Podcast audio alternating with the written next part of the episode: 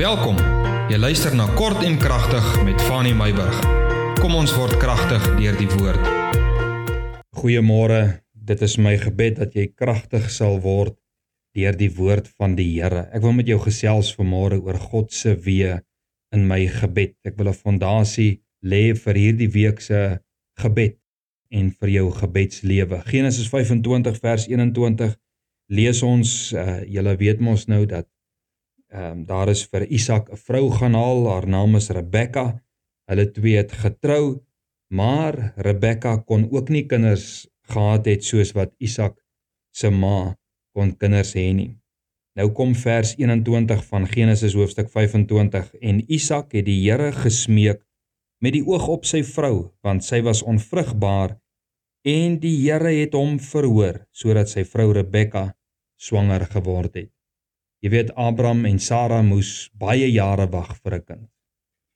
Isak bid namens sy vrou en sy gebed word redelik vinniger geantwoord.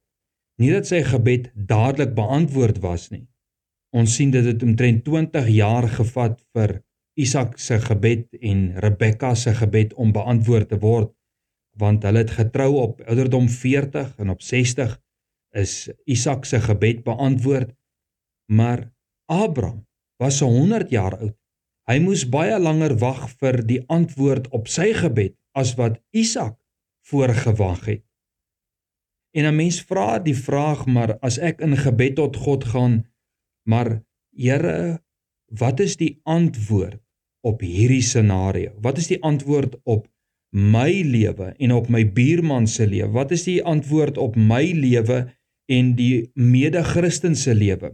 Die een se gebed word beantwoord, die ander een se nie. Die een se gebed word vinnig beantwoord, die ander een se gebed word nie vinnig beantwoord nie. Daar loop 'n lang tyd, verloop 'n lang tyd.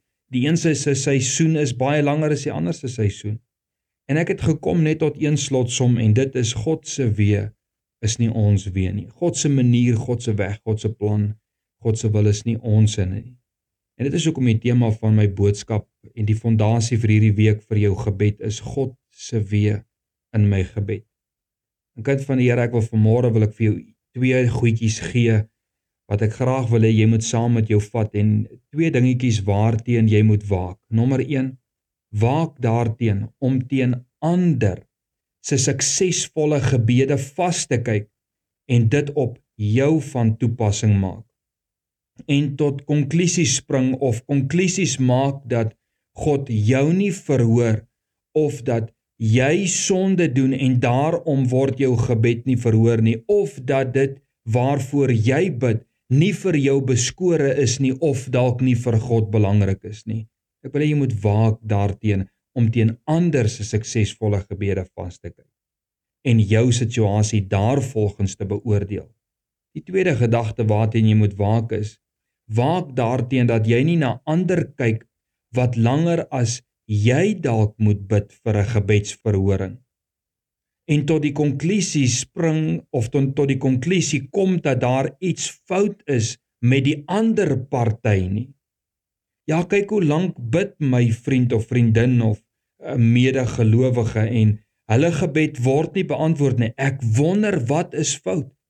Weet jy, dit is hoe ons mos funksioneer in die lewe. As ons gebede nie beantwoord word nie, dan gaan soek ons die fout.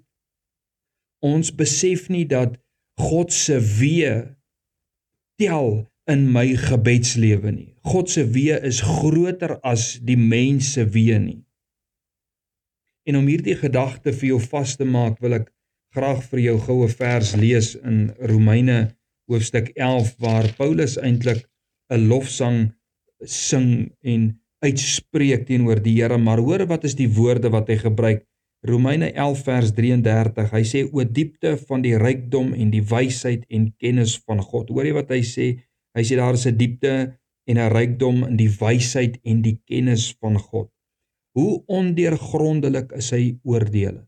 Met ander woorde, hoe onmoontlik is dit om die oordeele van God te verstaan en hoe onnaspeurlik is sy weë. Hoe onmoontlik is dit om die weë van die Here te ken en dit te ontdek?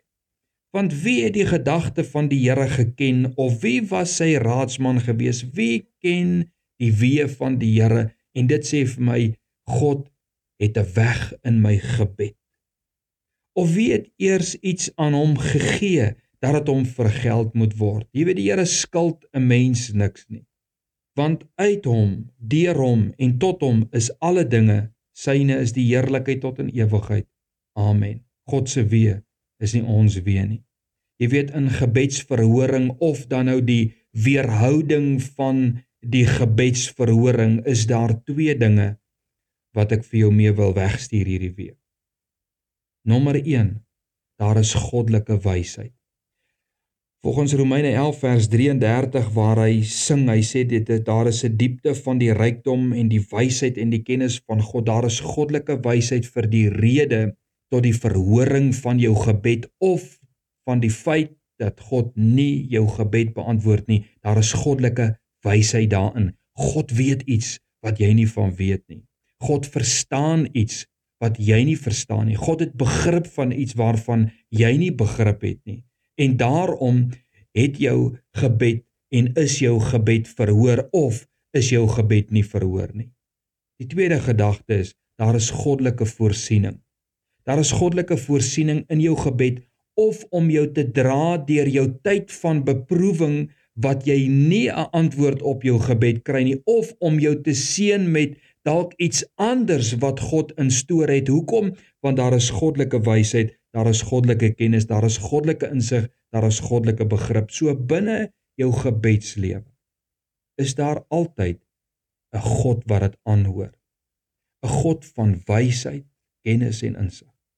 En daar is altyd 'n God van voorsiening wat jou gaan deurdra in die beantwoording of tot die beantwoording van jou gebed of om jou deur te dra in hierdie tyd as jou gebed vir 'n oomblik, vir 'n seisoen dalk nie beantwoord word nie.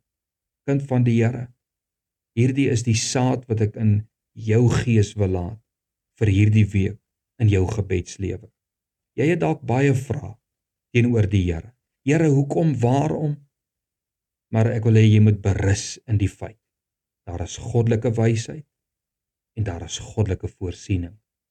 Die Here is steeds daar en uit God se beter wete sal die Here vir jou vrede, rusting en voorsiening gee om hierdie tyd te deurstaan wat jy in gebed deurbring. Mag die Here jou seën en mag die die wil van die Here, mag die krag van die Here jou deel wees in miskien jou tyd van beproewing of in jou dankbaarheid teenoor die Here dat die Here tog jou gebed beantwoord het dalk tot 'n mate wat jy dalk nie verwag het nie. Maar dat God se alwetendheid die belangrikste rol gespeel het in jou gebed. Dis belangrik om te verstaan. Seën en vrede tot ons môre verder gesels